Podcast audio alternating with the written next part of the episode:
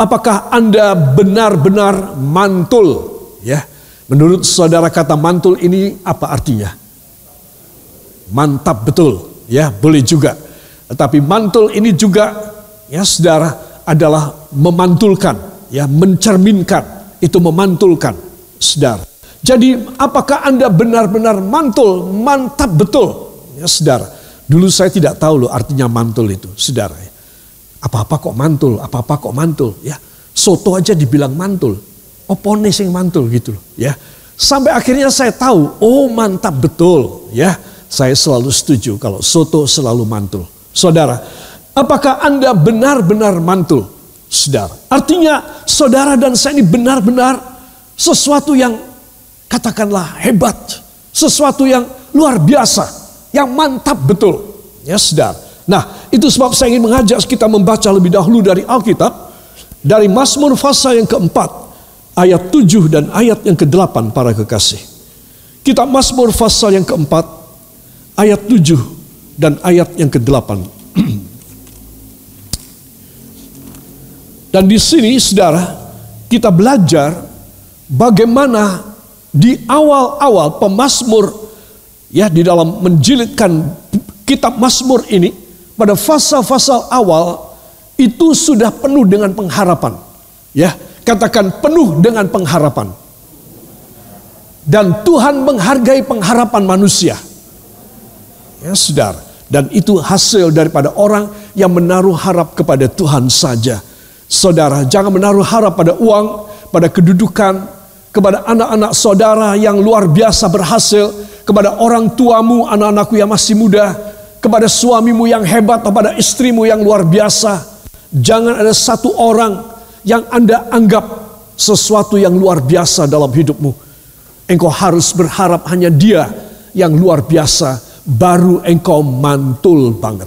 Ya, itu sebab para kekasih ayat-ayat yang akan kita baca ini Mazmur pasal yang keempat ayat tujuh dan ayat yang ke-8 akan membuka kepada kita satu rahasia bagaimana kita bisa menjadi mantul.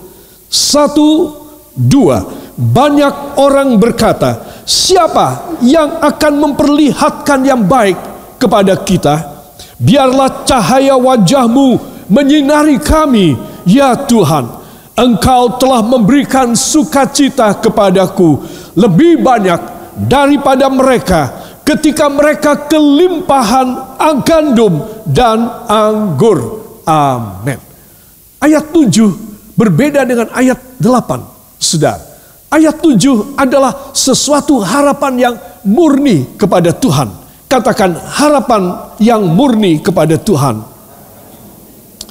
Yaitu saya menaruh harap pada cahaya kemuliaan wajah Tuhan. Yang menjadi harapan saya. Saudara. Tetapi ayat 8, saudara, di situ sekilas pada bagian kedua ayat 8 dijelaskan tentang adanya orang-orang yang sangat bergembira karena hasil panen gandum, hasil panen anggurnya melimpah dan mereka mungkin memberi juga sebagian dari limpahan panen mereka kepada kita orang. Sehingga kita juga, wah aku dikasih bagian. Ya senang juga. Aku tidak ikut tandur, aku tidak ikut tanam, tidak ikut panen, aku dapat bagian. Saudara, itu secara duniawi. Ya, jadi ayat 8 adalah kesukacitaan secara duniawi yang dibagikan oleh orang-orang yang berhasil kepada kita.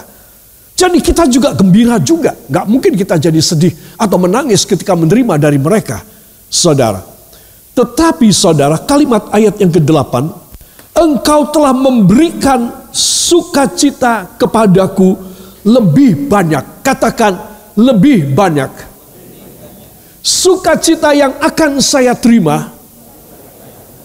Ayo tangan saudara begini.